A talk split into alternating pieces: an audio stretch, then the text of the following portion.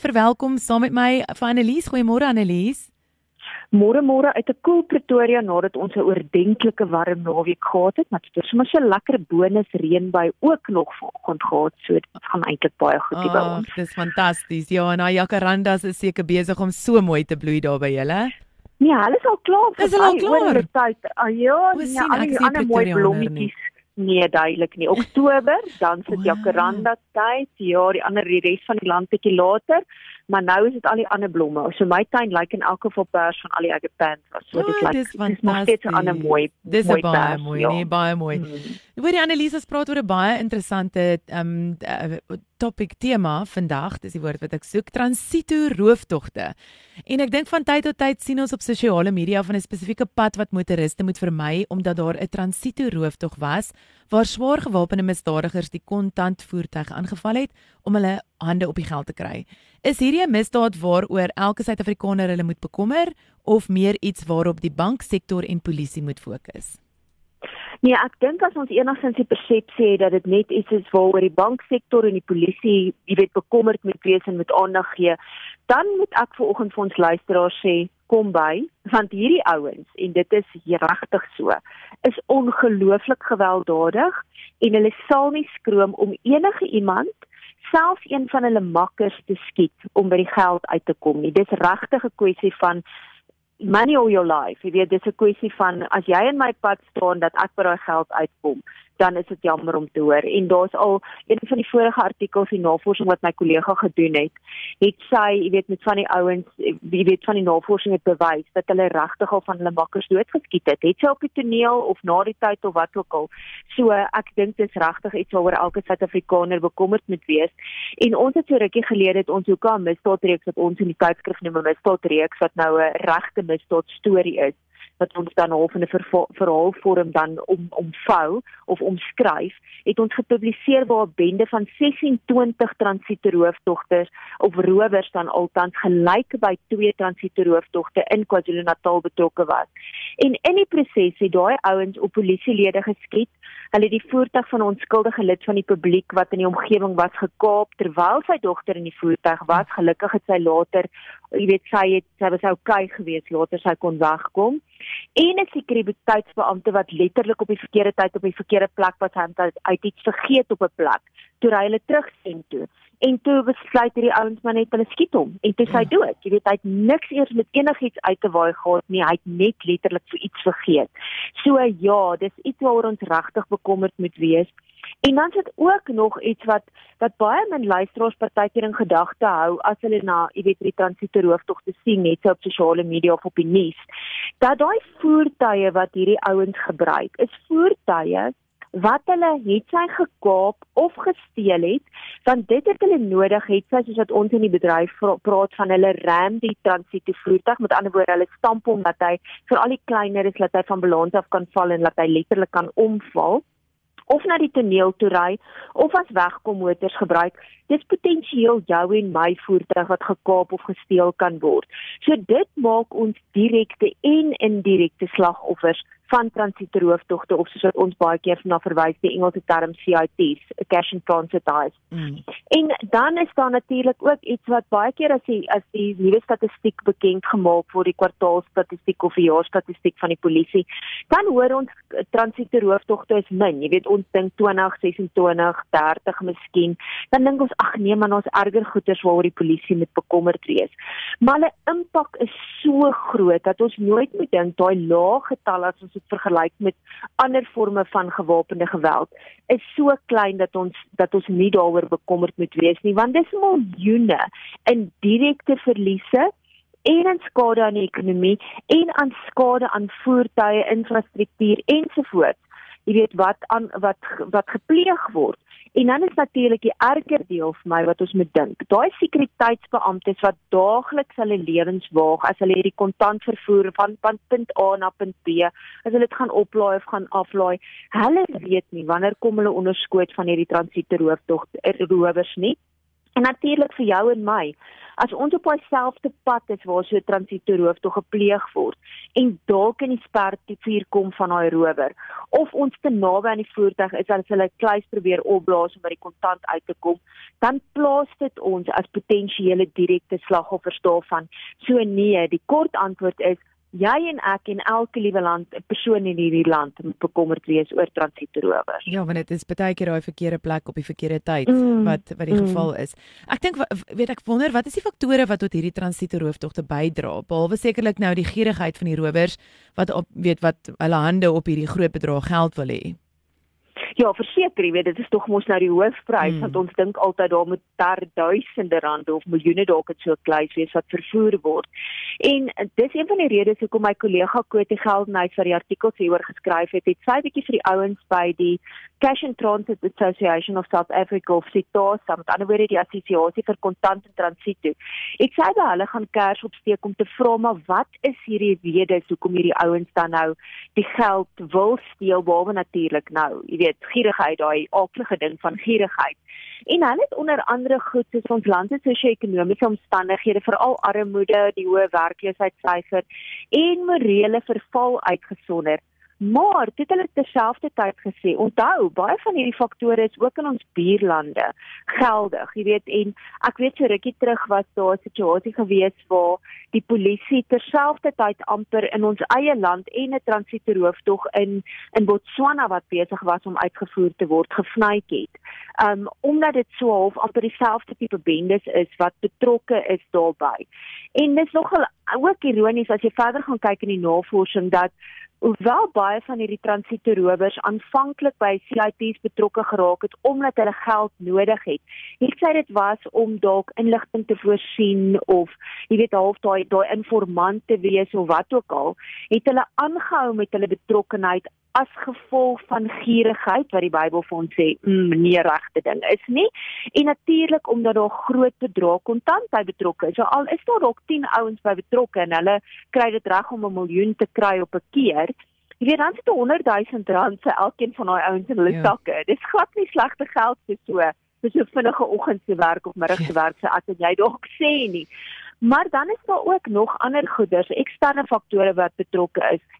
Jy weet die beskikbaarheid van onwettige vuurwapens en plofstof is natuurlik twee kardinale elemente wat vir transitoerowers hulle misdaad, jy weet, toelaat om dit te kan pleeg. Daar's gebrekkige grensbeheer wat daartoe bydra dat onwettige immigrante of buitelanders dan betrokke is by CIT's En dan natuurlik 'n groot ding. Daar's geen respek wat hierdie ouens het vir ander mense lewens nie of vir ouens se eiendom of besittings nie. Hulle het geen respek vir reëls, wette en die owerheid nie. Natuurlik nog minder vir die regstelsel. En dis baie keer hartseer dat indien hulle wel gevang word, sommige van hierdie ouens het al reg gekry om hulle pad vry te koop deur omgekoop geld te betaal aan korrupte polisielede, landdroste dat hulle hulle sake kan verdwyn maar dan moet ek darm ook terselfdertyd sê en die hoof van die van die valke het so week of wat terug het hy die laaste paar maande se sukses het hy bekend gestel. En dis op die polisie se webwerf jy weet beskikbaar as die ouens dalk wil daarop gaan lees. En hy het net gefokus onder andere op 'n klomp van die suksese ten opsigte van hierdie transietrowers en hoeveel van hulle daarom al in die laaste tyd gevang is in in die proses om hof toe te gaan gaan of reeds daarom skuldig bevind is. So dis nie alles net soos die Engelse sê doom and gloom nie. Mm, ek dink jy nou 'n klomp goed genoem ten opsigte van hoe hierdie ouens nie respek het vir enigiemand of enigiets nie.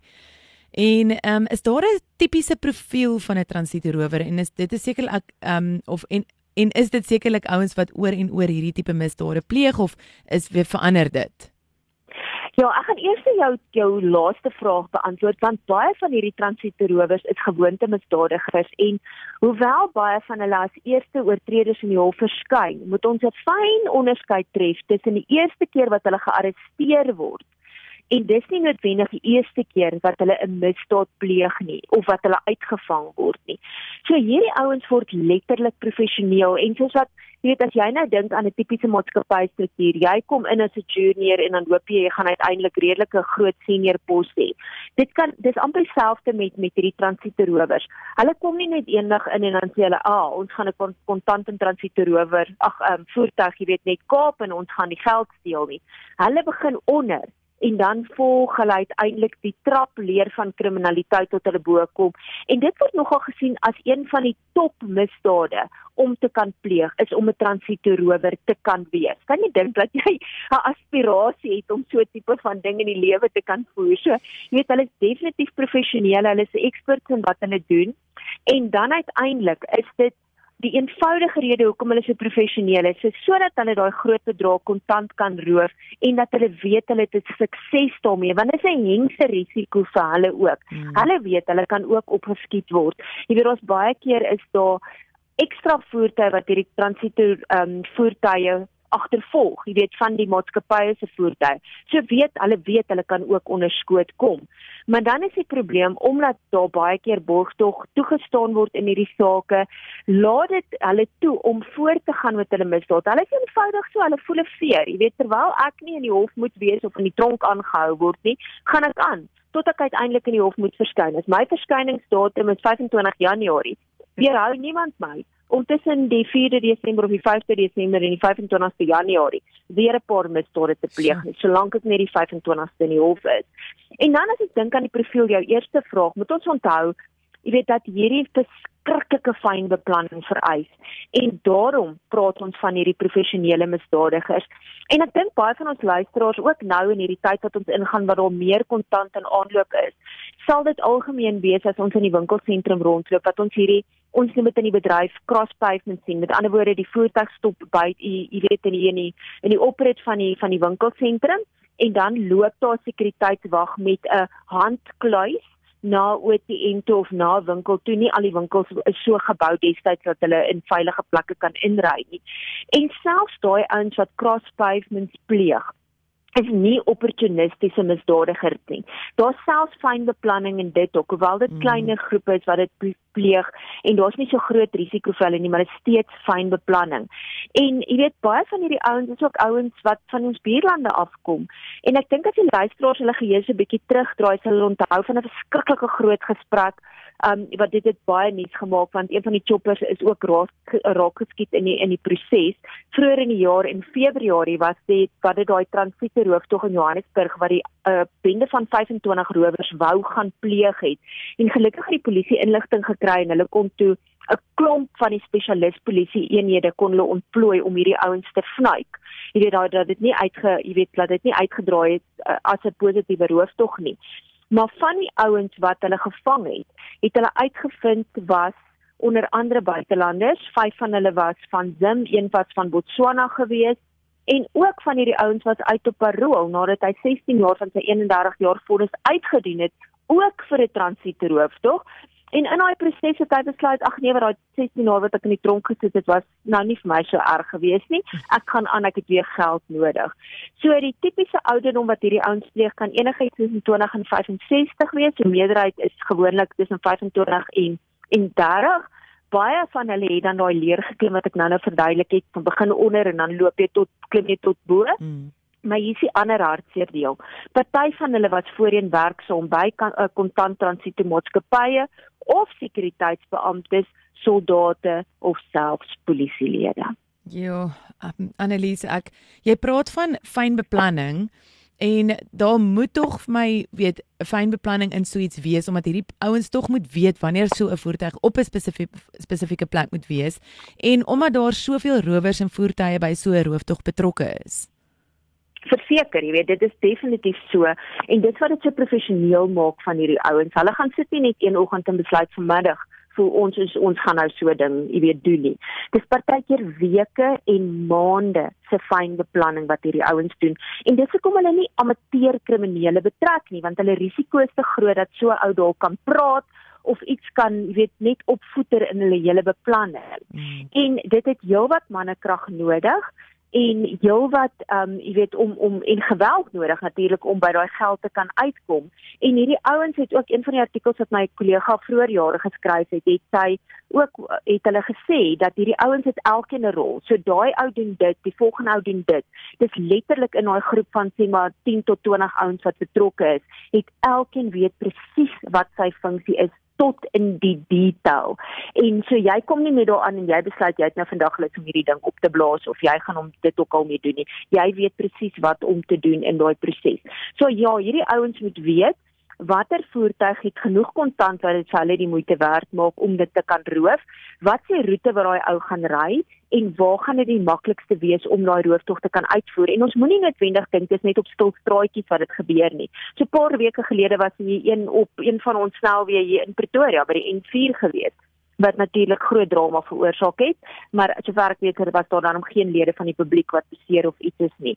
So hierdie ouens het ouens wat 'n backup span kan wees, wat die voertuig kan afsper, wat kan aanval, iemand wat die wegtom motor kan uh, bestuur, wat die geld vervoer, wat die klomp rowers mee kan kan wegvat. Uh, Want onthou baie keer skryf hulle van daai voertuie af in die proses om daai voertuig te ren, soos ek nou nou gesê het. So jy het 'n klomp ekstra voertuie nodig. Hulle moet weet waar om te skiet, waar om die plofstog te plaas sodat dit die nodige skade kan wees vir die kluis. En jy weet partykeer soos wat ek gesê het, kan so 'n beplanning tot 'n jaar neem. En dan gaan dit ook wees dat hulle moet weet um weet watter tyd van die dag kan hulle dit aanval. Hmm. En dit kan afhang van of dit 'n voertuig is wat aangeval word of dit 'n cross pavement wees. Hulle kan self kyk na sekere faktore so selfoonopvangs. En jy weet so dit dit hang van 'n klomp goeders af. En aan die einde van die dag word daai rowers meestal gekies na aanleiding van hulle ondervinding, hulle vaardighede en dan die rol wat hulle moet vervul tydens die uitvoering van daai transitoerooftog. Maar een ding is seker, hierdie ouens beplan so 'n transitoerooftog in detail en voer dit dikwels met militêre presisie uit. Maar ek dink dit is belangrik dat ons dalk volgende week ons gesprek voortsit en dan kan ons dalk praat oor die rol van korrupsie die opleiding van die sekuriteitsbeamptes wat hierdie transite voertuie moet bestuur en natuurlik of daar enige oplossings is om 'n einde aan hierdie tipe hoogs georganiseerde geweldsmisdade te maak wat jou en my ook ongelukkig indirekte en direkte slagoffers kan maak. Ja, ek lag so my 16-jarige elke keer as ons by winkelsentrum stop en daar stop so transite voert, voertuig daar, dan raak sy sommer so half en dan sê sy mamma ons moet 'n bietjie vinniger stap. So ja. dit is asof jy so 'n bietjie bewus is van dit wat aangaan omdat daar soveel nie net soveel flieks ja. daaroor gemaak word nie, maar dis 'n realiteit in in ons land. Ja. Jy hoor so dikwels daarvan. Jy's Annelies, hier is waardevolle inligting. Vreeslik dankie vir jou navorsing ook hierop. Ehm um, vertel ons net 'n bietjie meer. Um dit is 'n veiligheids- en sekuriteitskoerant wat jy het ervaar is en as jy nou vir die eerste keer ingeskakel is op my program, Annelies het elke week vir ons 'n ongelooflike deel wat sy vir ons uithaal en ons raak net so die onderwerp aan en daar's daar's ongelooflike artikels wat jy kan lees op hulle koerant of die tydskrif wat hulle dan het, nie die koerant nie. Um maar hoe kan hulle betrokke raak Annelies? Ja, die maklikste is natuurlik gaan ons webwerf toe waar jy kan inteken of ons volg ons op sosiale media. So dis www.servamus.co.za op sosiale media soos op Facebook, Twitter, LinkedIn, Instagram en YouTube. En dan gaan ek vanoggend ook 'n nommer gee as jy wil meer inligting hê. Stuur gerus vir ons 'n WhatsApp, 'n SMS of 'n Telegram boodskap na 078 712 1745 078 712 1745 en vir die ouens wat 'n e-mail het nie ons kan selfs 'n digitale weergawe via WhatsApp of Telegram na jou toe stuur. So daar's geen rede dat jy nie ingeteken te wees op die tydskrif nie. Het jy dit jy die gedrukte formaat wil hê of die elektroniese formaat wat ons vir jou via e-pos of WhatsApp of wat ook al kan stuur. Tegnologie is so wonderlik en die digitaal kos net R28 'n maand. Dis mos nou nie baie geld vir baie waardevolle inligting wat jy en jou hele gesin kan gebruik nie. Verseker Annelies, dankie vir alles. Ek sien uit na deel 2 van Transito Rooftogte volgende week. Ek hoop jy het 'n baie mooi week. Dankie selfde vir jou en al die luisteraars ook vir baie ouens is dit die laaste werkweek. Ja? Sterkte vir die van ons wat nog bietjie langer werk. Sterkte vir ons ook. Dis reg, ek probeer ek werk nog lank so ek sien vir jou volgende week. Dankie Annelies. Dankie totsiens. Bye.